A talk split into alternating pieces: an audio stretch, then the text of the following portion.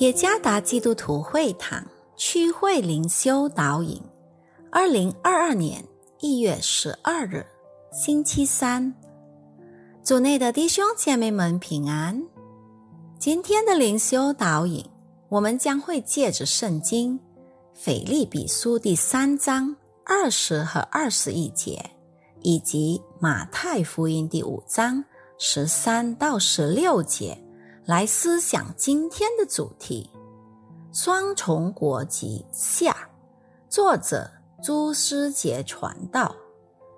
腓利比书第三章二十节，我们却是天上的国民，并且等候救主，就是主耶稣基督从天上降临。他要按着那能叫万有归服自己的大能。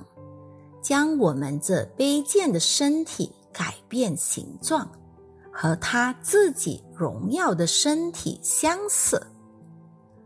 马太福音第五章十三节：你们是世上的盐，盐若失了味，怎能叫它再咸呢？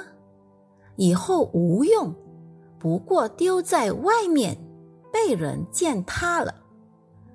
你们是世上的光，城照在山上是不能隐藏的。人点灯不放在斗底下，是放在灯台上，就照亮一家的人。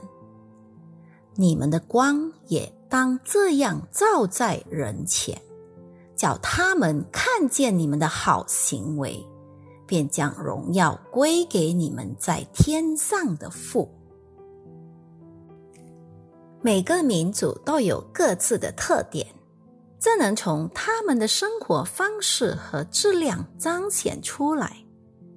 日本以高职业道德闻名，新加坡则以遵守城市规则和保持卫生的人民而闻名。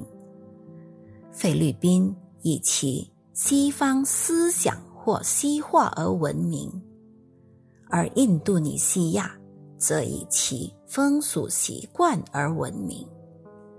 除了良好的质量，还有一种生活质量被认为是比较低质量的。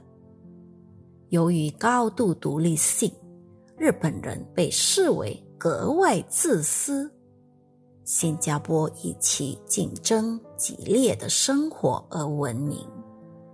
西化的菲律宾失去了它的独特性，而印度尼西亚则以不团结问题而闻名。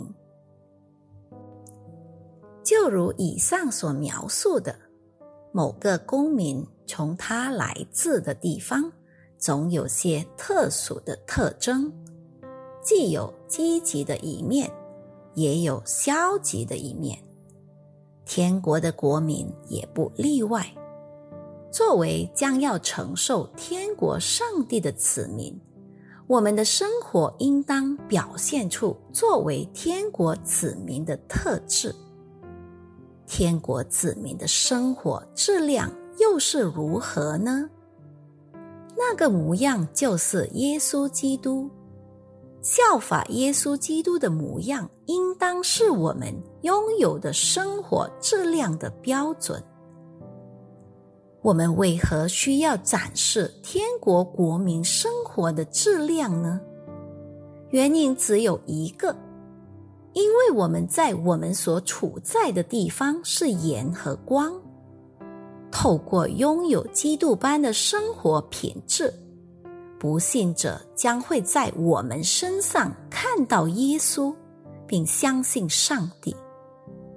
问题是，您是否已经彰显出天国国民的生活质量呢？